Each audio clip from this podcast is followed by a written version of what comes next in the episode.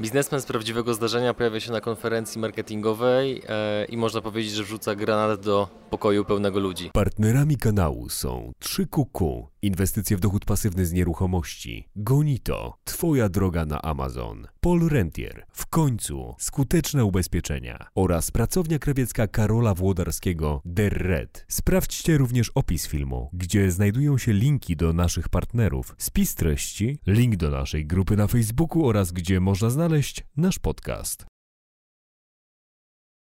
E, No tak, ja na takiej konferencji zawsze się czuję troszeczkę jak ksiądz w burdelu. No, czuję, że będzie fajnie, ale nie wiem, czy to jest do końca moje miejsce. Natomiast e, jest to fajne zawsze, żeby, że można się podzielić swoją wiedzą i swoim doświadczeniem i, e, i coś ze swojej perspektywy dołożyć do, do, do wspólnej wiedzy i wspólnych doświadczeń. Nie? No właśnie, na scenie powiedziałeś, że stoisz na czele grupy marek, które łącznie generują e, 200 milionów przychodu rocznie, co No jest... jeszcze, jeszcze nie całe. Niespełna 200, ale już dobijam. Okej, jest, to, jest to bardzo duża kwota. No i właśnie co spowodowało, że e, no, biznesmen, który zakładam, że jest bardzo zajęty, jednak no, pojawia się właśnie na takim evencie, żeby wystąpić.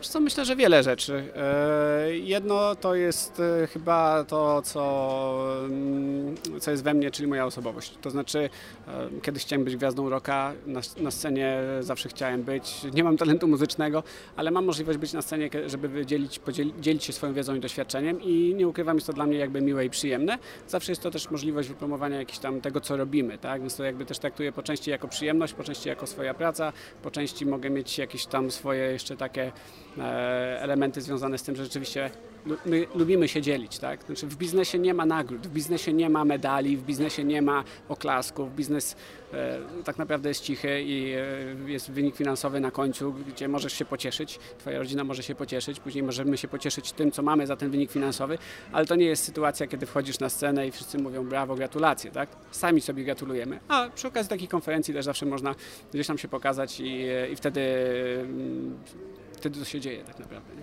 Użyłeś sformułowania, że, e, parafrazuję oczywiście, że biznes to z Twojej perspektywy gra. Czy mógłbyś powiedzieć coś więcej o tym? Biznes to gra jak każda inna. Ja dokładnie bym powiedział nawet, że biznes to jest sport jak każdy inny. Tak? Są pewne zasady w biznesie, tak? tak jak są zasady w piłce nożnej. Tak? W piłce nożnej, żeby wygrywać, trzeba zdobywać bramki, nie można wyjść za i tak dalej, i tak dalej. Tak? No to w biznesie też mamy. Mamy ograniczenia prawne, mamy jakieś tam zasady, które, które są związane z pieniędzmi, z tym czy z tamtym.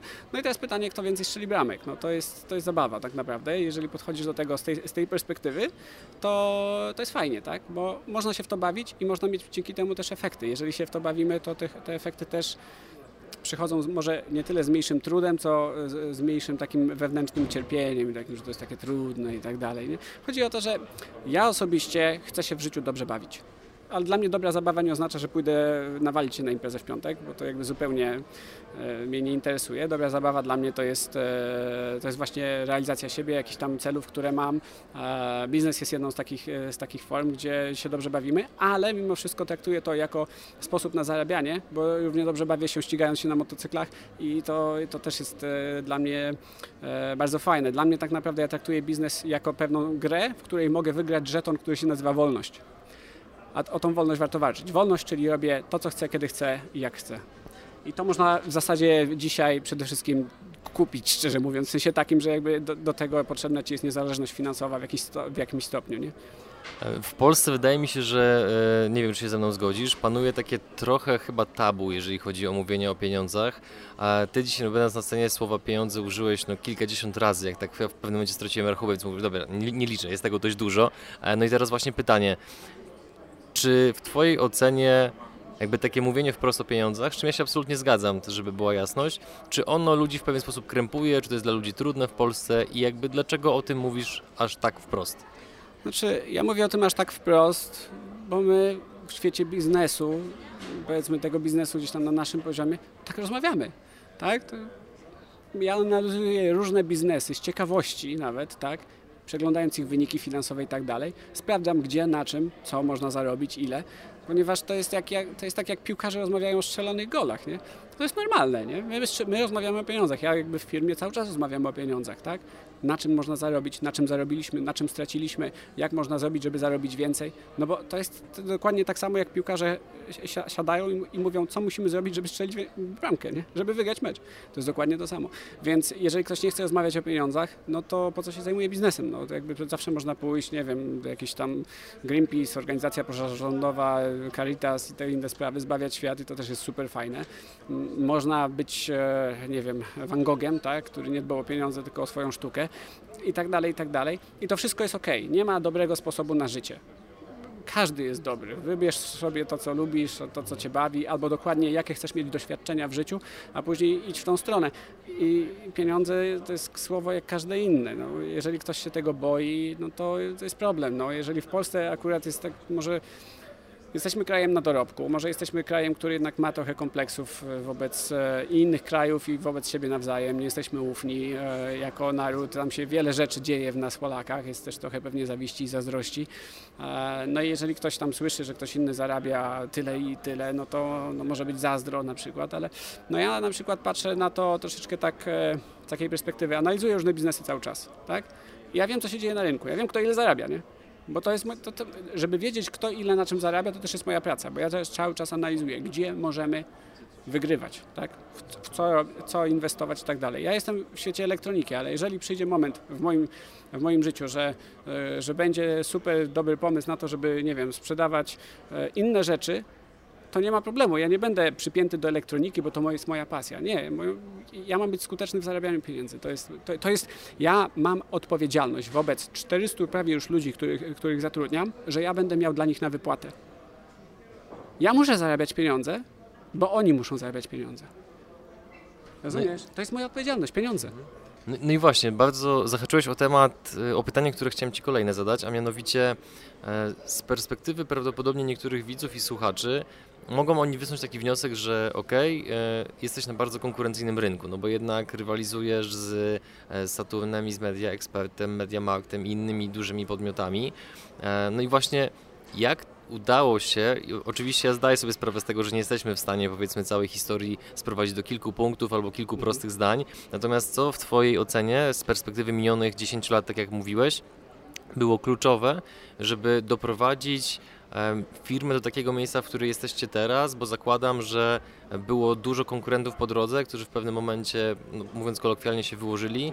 A tutaj też nawiązując do, do wywiadu, który kiedyś miałem przyjemność robić z panem Gordonem, e, on akurat otworzył hurtownię motoryzacyjną, która w tej chwili zatrudnia około 2000 osób, no i swego czasu w Bydgoszczy takich podmiotów było kilkadziesiąt.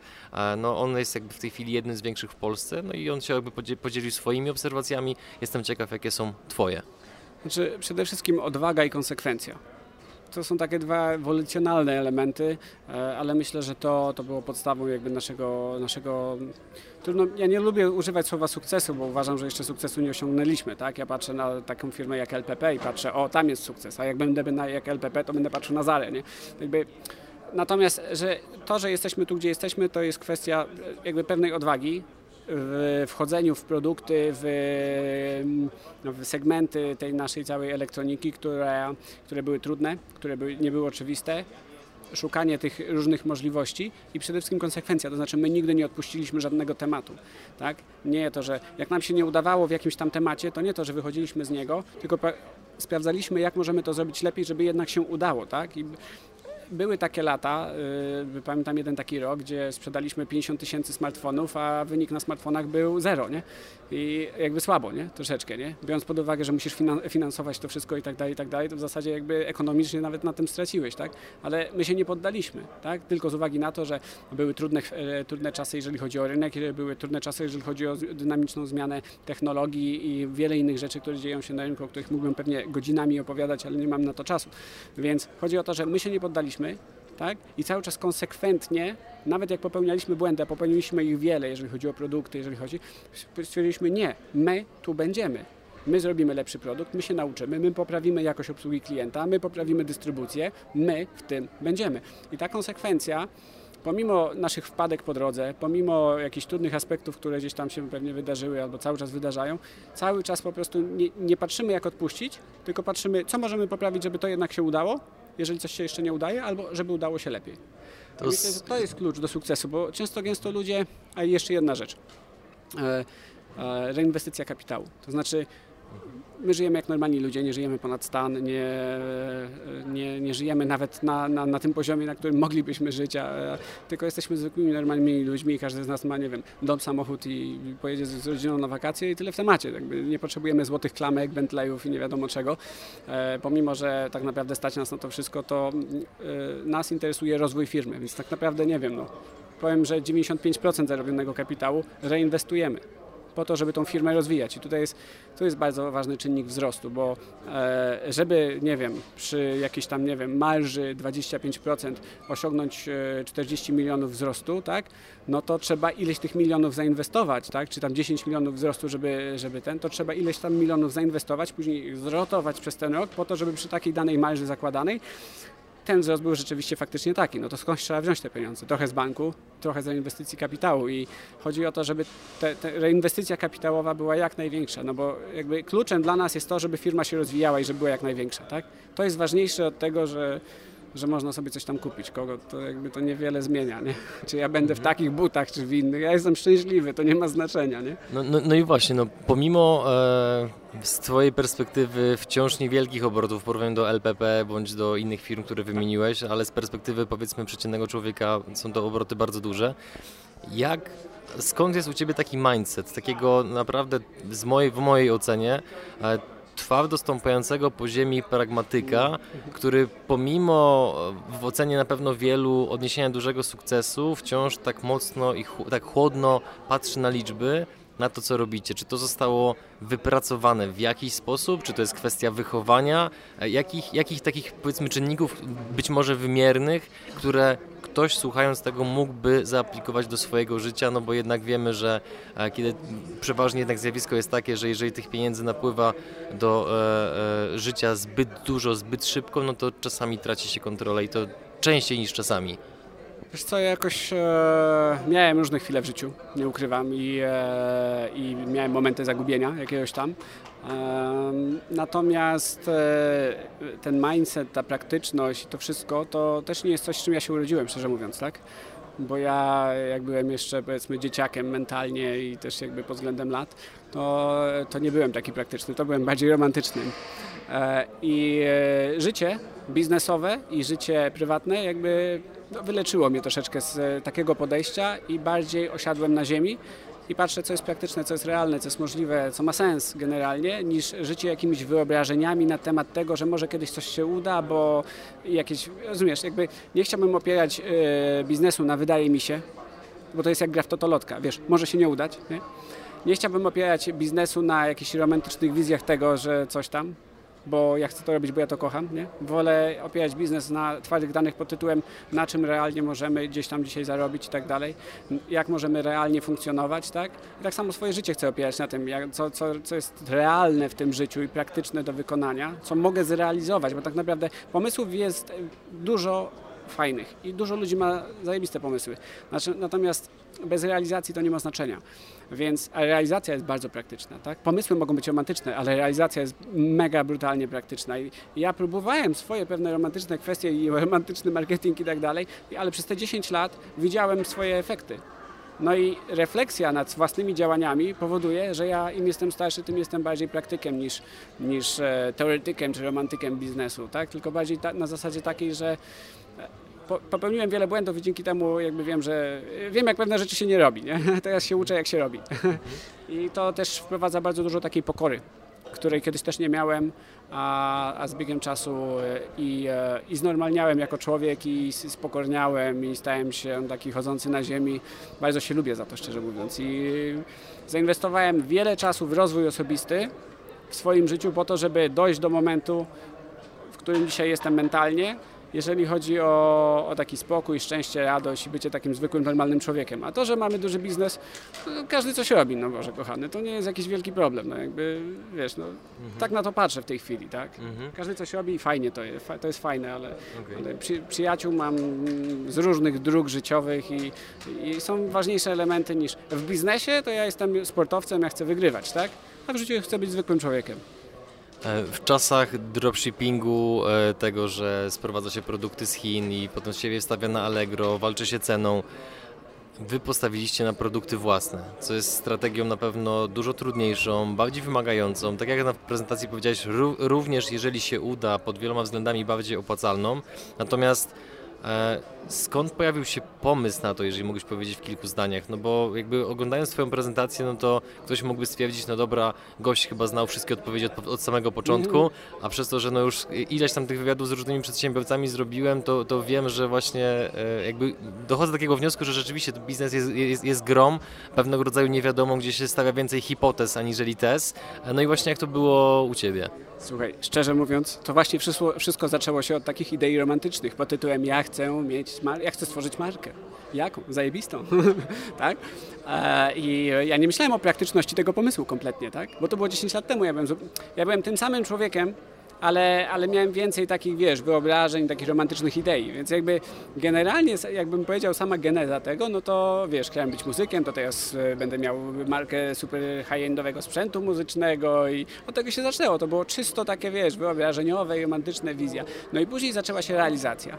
No i ta realizacja przez ostatnie 10 lat wyleczyła mnie z wielu rzeczy. Popełniłem tam wiele błędów, za które zapłaciłem czasami jakby sporo, tak?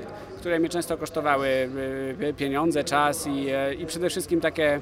Mm, no, one mi, te moje błędy cały czas mi pokazywały, że nie umiem, że nie wiem, że się nie znam i tak dalej. Nie? I teraz te wszystkie rzeczy, te wszystkie aspekty spowodowały, że w pewnym momencie powiedziałem, ja chcę umieć, ja chcę wiedzieć, ja chcę znać, ja poszedłem yy, po wiedzę, ja poszedłem się uczyć, spokorniałem i tak dalej, i tak dalej i przez to też zrobiłem się coraz bardziej praktyczny. E, więc absolutnie to nie jest tak, że ja, ja dzisiaj opowiadam o tym, co się dzieje na rynku, bo ja wiem. Natomiast e, ogólnie jedną z najmądrzejszych rzeczy, jaką mogę w życiu powiedzieć, to jest nie wiem, zobaczymy. Bo to jest tak, ja nie wiedziałem, czy się uda, nie? Nikt nie wie. Jeżeli, to jest tak jak z giełdą. Nikt nie wie, czy pójdzie do góry, czy do dołu. Jeżeli słuchasz jakiegoś analityka, który mówi, że na pewno pójdzie do góry, wiesz, na pewno to umrzemy, a cała reszta to jest niewiadoma. Taka mhm. jest prawda. Nikt nie wie, czy to pójdzie do góry, czy do dołu. To jest w ogóle taka zabawa. Nikt nie wie. A jak się mhm. zarabia na giełdzie i, te, i w biznesie, to jest dobre zarządzanie ryzykiem. To znaczy, ja nie wiem, czy pójdzie do góry, czy do dołu. Obstawiam, że do góry. I wystawiam stop lossa, bo wiem, ile mogę na tym stracić, a zyskać nie wiem, może bardzo dużo, nie? I teraz tymi stop lossami i tym, jak długo jesteśmy w stanie przeciągnąć temat, kiedy, e, kiedy idzie w naszą stronę, zarabiamy. Tak? Czyli jak tracę to mało, a jak zarabiam to dużo. Nie jestem wróżką, która wie, gdzie to pójdzie, ale umiem reagować na sytuację, w której jestem. I tak byłem traderem przez chwilę, zanim zacząłem Marco Mats, więc jakby znam temat. Mega trudna praca, natomiast jakby to tak działa. Nikt nie wie, czy pójdzie do góry, czy do dołu, ale każdy, y, ci najlepsi potrafią zarządzać ryzykiem. Jak idzie w moją stronę, to zmaksymalizuje zysk. Jak widzę, że idzie nie w moją stronę, to wiem, ile mogę stracić, żeby to nie zablokowało mojego biznesu, tracę, był out, bez sentymentów wychodzę. Nie? Mhm. To jest taka, e, na, lekcji, na giełdzie odbyłem też dużo lekcji pokory e, i które przekładają się później na, na fajne myślenie o zarządzaniu biznesem, tak? I e, przy warunkach ograniczonego kapitału, ograniczonego czasu trzeba bardzo dobrze tym zarządzać, żeby się z jednej strony nie wykoleić, a z drugiej strony, jeżeli coś idzie, to żeby to zmaksymalizować. Tam jest dużo elementów, nie? No bo wiesz, dzisiaj może nie iść, ale może odpalić i, i tak dalej, i tak dalej. No my podjęliśmy strategię taką, że nie wychodzimy z niczego tak? Żadnego segmentu. Możemy wyjść z poszczególnych, produktów, które były albo nieudane, albo przeinwestowane, albo, albo z produktów, które jak na razie są o za wysokiej jakości, których nie jesteśmy w stanie sprzedać w Kruger Mats, bo klienci na tyle nam jeszcze nie ufają, więc jakby powiedzmy, nie wiem, kolumny za, za 5 tysięcy złotych to jest temat, który się u nas na razie sprzedaje trudniej niż kolumny za 3 tysiące złotych, bo jeszcze klient nie tyle, na tyle nam nie ufa powiedzmy, tak? A, ale jesteśmy w, powiedzmy w home audio bardzo dobrze postrzegani, bo sprzedajemy mikrowieżę w stylu wieży KM1908, która kosztuje 2000 y, o 1000 drożej niż Denon, nie? Więc jakby tutaj mamy bardzo wysokie postrzeganie w home audio, więc jakby tutaj jest dużo dobrej roboty zrobiliśmy, zresztą od tego zaczęliśmy. E, to samo w tej chwili chcemy zrobić w smartfonach, naprawiając gdzieś tam nasze potknięcia z przeszłości, bo my jako pierwsi w Polsce weszliśmy w smartfony, więc to był jakby generalnie główny nasz sukces, że byliśmy pierwsi, ale też e, e, trudności z tym związane, no bo jak jesteś pierwszy, no to wiesz, jeszcze nie wiesz co na ciebie czeka, no i my przyjęliśmy na klatę wszystkie problemy, nie? Wszystkie problemy, które były związane z produkcją smartfonów w tamtym okresie, tak jako third party na zlecenie. I staramy się cały czas robić to, co robimy lepiej. Cokolwiek by to nie było, staramy się robić lepiej. Lepszy produkt, lepsza cena, lepsza dystrybucja, lepsza promocja. Te cztery podstawowe elementy. Biznes naprawdę nie jest skomplikowany. Tak jak gra w piłkę nożną. Dobrze podaj, dobrze przyjmij. E, Wiesz, to tak? A później dobrze strzel. A później wokół tego oczywiście cała strategia gry zespołowej, co już się no, jakby nazywa jakby zarządzaniem w biznesie. Natomiast e, podstawowe elementy, nie? Dobry produkt, dobra cena, dobra dystrybucja. A promocja, no jak trzeba, to też się coś tam wyda, nie? To powoli zbliżając się do końca, e, jeszcze a propos e, rozmiaru Waszej firmy. Jak rozmawiałem właśnie z wieloma przedsiębiorcami, to każdy z nich opowiadał, oczywiście podawał różne widełki, ale e, są takie momenty przełomowe, jeżeli chodzi o, o- skalowanie samego zespołu, że pierwszy pracownik jest pewnego rodzaju przełomem, potem powiedzmy dziesiąty bądź piętnasty, w zależności od firmy, setny, dwusetny. Jakie masz refleksje patrząc właśnie na rozrost Waszej organizacji e, z perspektywy czasu i jakie lekcje wyciągnąłeś z tego okresu?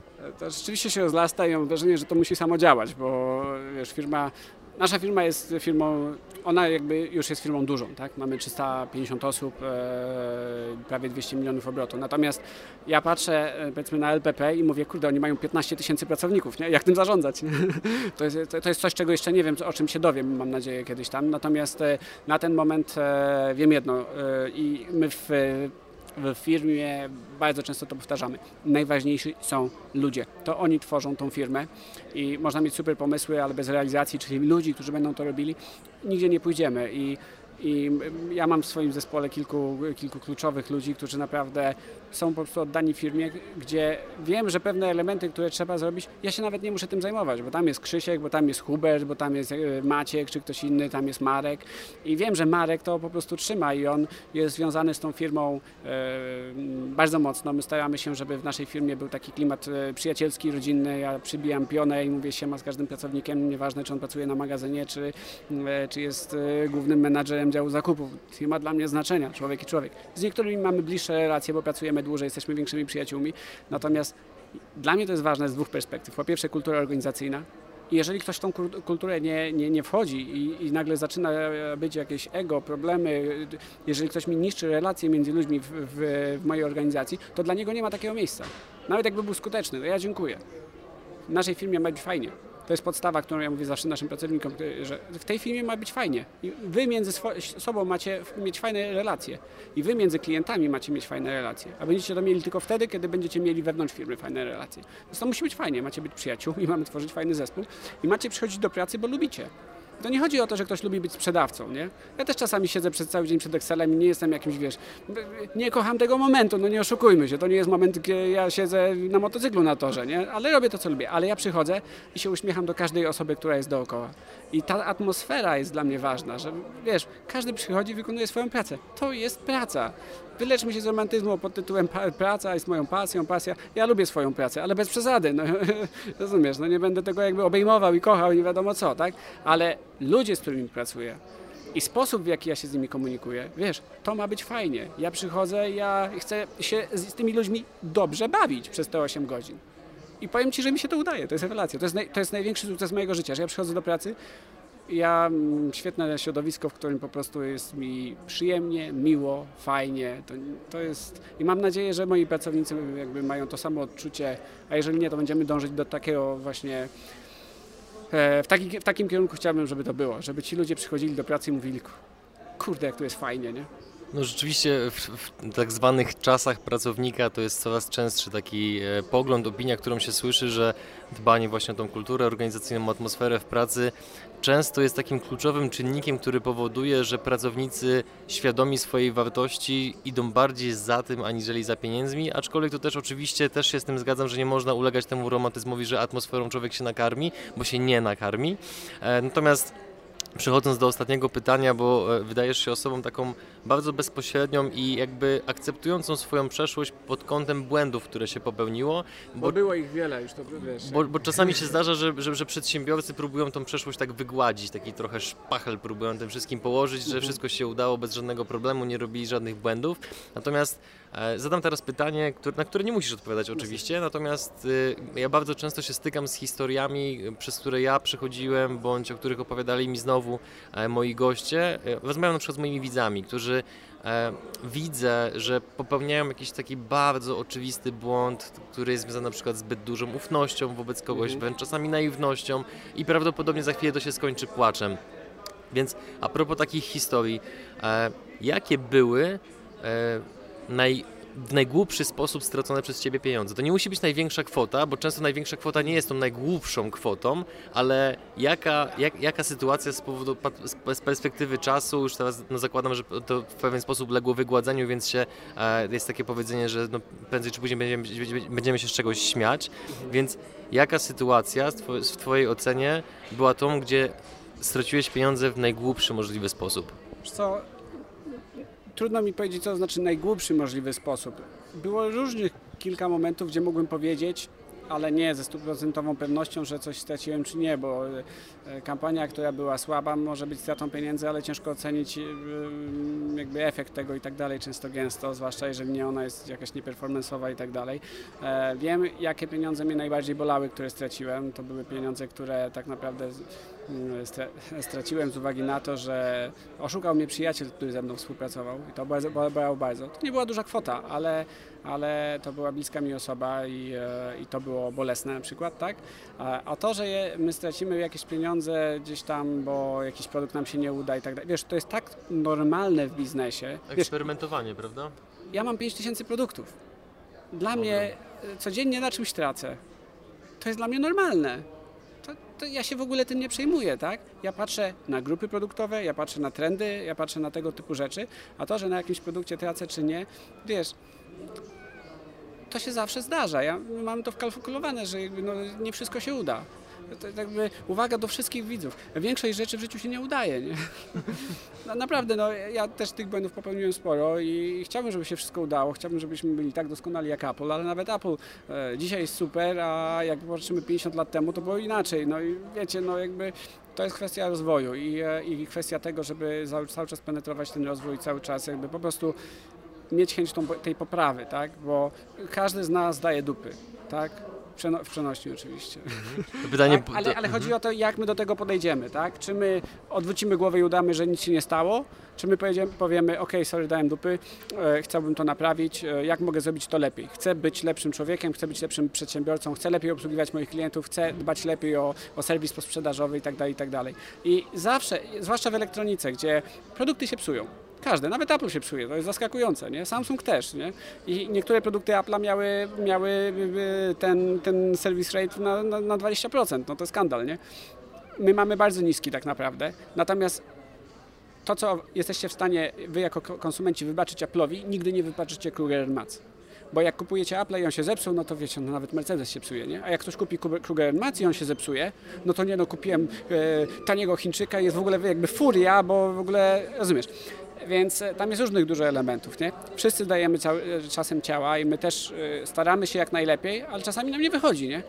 Natomiast jedyne, co mogę powiedzieć, to to, my się nie poddajemy i nie poddamy, jeżeli chodzi o walkę o jakość naszych produktów, tak? A mamy bardzo trudną formę, bo nie jesteśmy możliwi skorzystać z każdej technologii, bo ona nie jest dla nas dostępna, bo nam po prostu nie pozwalają duzi gracze, tak? Mamy ograniczenia pod względem tego, w jakiej cenie możemy wyprodukować produkt, bo wiesz, każdy chce super produktu za 0 zł, nie? To jest bardzo trudne, nie? To jest bardzo trudne. Wiadomo, że można zrobić rewelacyjny smartfon, który kosztuje 4000. Pytanie, czy można zrobić równie rewelacyjny za 500 zł, nie? I teraz, jak zrobić to najlepiej, nie? Walcząc z takimi wielkimi gigantami jak, jak Huawei, jak Samsung, jak, jak Xiaomi, które w Polsce o- osiągnęły ogromny sukces, gdzie ja na linię produkcyjną wrzucam 20 tysięcy telefonów, a oni 2 miliony, nie? I oni mają po swojej stronie e, przewagę i rozpoznawalności i budżetu marketingowego i przewagę kosztową od strony e, kosztu jednostkowego wyprodukowania produktu. I teraz ja to wszystko muszę wziąć z całymi tymi ograniczeniami e, e, naszej mocy przerobowej, ludzi i tak dalej, i tak dalej, starając się dostarczyć jak najlepszą e, usługę, produkt i usługę posprzedażową do klienta, ale mimo wszystko na tym zarobić. To jest w dzisiejszym świecie elektroniki ogromne wyzwanie. Ja patrzę na to, jak ludzie sprzedają sukienki, gdzie mają y, kilkukrotnie wyższe marże i zero odpowiedzialności za produkt, a ja sprzedaję y, telewizor na żadnej marży praktycznie i mam dwa lata odpowiedzialności za, za, za produkt y, i, i UKE, Urząd Komunikacji Elektronicznej, Ochrony Handlu i, i to wszystko siedzi cały czas i CE, wszystkie certyfikaty i tak dalej, i tak dalej. To teraz jeden z To widzów na pewno myśli, to czemu to robisz, Michał? to jest dobre pytanie. Generalnie wiesz co, nie zastanawiam się w tej chwili, tak? Znaczy ca cały czas szukam w ogóle rozwiązań na kierowanie coraz większej marży, tak? Czyli szukam marżowych segmentów biznesów i tak dalej. Nawet w tej elektronice niektóre rzeczy są bardziej marżowe, niektóre mniej. Natomiast nie jesteś w stanie stworzyć dużej marki, jeżeli nie jesteś w dużych tematach. A duże tematy zazwyczaj wiążą się z dużą konkurencją i niską marżą. I takie duże tematy w elektronice to jest smartfon i telewizor. Tam jest największa konkurencja, najniższa marża, największa odpowiedzialność, najtrudniejszy rynek, ale też rynek największy, no bo w Polsce sprzedaje się 8 milionów sztuk smartfonów rocznie, no, a my sprzedajemy w granicach 70 tysięcy. Nie mamy nawet 1%. Jeszcze jest dużo wzrostu, nawet w Polsce. E, widzowie już pewnie liczą, ile razy mówiłem, że to już ostatnie pytanie, natomiast mówisz tyle ciekawych rzeczy, że aż grzech kończyć po prostu tą rozmowę. Natomiast e, teraz już naprawdę ostatnia, znaczy być może. E, czy Twoje metody dotyczące poszukiwania nowych segmentów, nowych produktów, które są jak najbardziej, będą jak najbardziej rentowne i opłacalne dla firmy, są możliwe do zastosowania również w innych branżach? Twoje, twoje metody, Twoje sposoby postępowania? Każda branża ma swoją specyfikę, tak? Natomiast e, ogół jest taki sam. Produkt, cena, dystrybucja. I teraz musisz pracować nad tymi trzema elementami, tak? Promocja też jest istotna, ale w pewnym momencie, jeżeli już wiesz co i gdzie i jak powiedzieć do kogo e, i masz produkt, tą cenę i dystrybucję. Natomiast jakby wszyscy właśnie szukamy produktu, ceny i dystrybucji. E, dystrybucję e, my budujemy sami, więc tutaj mamy już jakby pewien model biznesowy, tak? Cenę często definiuje rynek, bo musimy w danej cenie się zmieścić z daną specyfikacją produktu, więc generalnie staramy się szukać takich produktów, które gdzieś tam w naszym koncepcji biznesowym, naszym koncepcie nasze, naszego sklepu detalicznego i tak dalej się mieszczą, a mimo wszystko będą generowały e, jak najwięcej marży przy jakby produkcie, który jest najlepszy jakościowo. Ja w ogóle dla swoich wszystkich marek prawie wszystkich marek mam, e, mam założenie, dla głównych moich marek mam założenie, czyli Kruger Mats, Tessa, Rebel Electro, to są, to są moje główne marki, dla których mam jedno założenie. My możemy sprzedawać produkty, które są z niższej półki cenowej, ale to ma być powiedzmy, nie wiem, możemy mieć smartfon za 300 zł ale to ma być najlepszy jakościowo smartfon za 300 zł na rynku. I to jest nasze podejście i my takich produktów szukamy. I czy to jest e, czajnik za 30 zł, to ja też powiem, w teście to ma być najlepszy czajnik za 30 zł, jaki będzie na rynku. To znaczy, że czasami zrezygnujemy z marży po to, żeby dowieść e, jakość produktu pod względem chociażby użytych elementów. Często, często gęsto jakość jest trudno rozpoznawalna przez klienta, no bo on nie wie, czy tutaj w tym jakimś, nie wiem, UPS-ie to została użyta miedź czy aluminium w środku. A to jest dramatyczna różnica i w cenie, i w jakości, nie? jeżeli chodzi o przewodnictwo prądu, aluminium i miedzi. Więc rozumiesz, to są takie elementy, których nawet taki zwykły człowiek nie wie, tak? On widzi tylko na końcu cenę produktu i my w tej cenie musimy się zmieścić, tak? I ewentualnie później, czy coś mu się zepsuło, czy nie. Tak? I, I, często gęsto można użyć na przykład nie wiem, słabszych elementów jakościowo, a na przykład y, ten, ten service rate będzie podobny, tak? bo to będzie słabo, ale będzie działało. Tak? Natomiast no, my sobie nie pozwalamy na to i zawsze staramy się używać najlepszych możliwych w danej cenie elementów e, składowych na, na produkt i to też czasami powoduje, że przy bardzo mocnej presji cenowej z, z, od strony naszych konkurentów, którzy idą w tak zwany rynek pierwszej ceny, to znaczy nieważne co tam jest, ważne, żeby było najtańsze, a mamy takich przeciwników, którzy po prostu przychodzą i mówią, dobra, co możemy nie włożyć do tego telewizora, żeby to było tańsze, nie?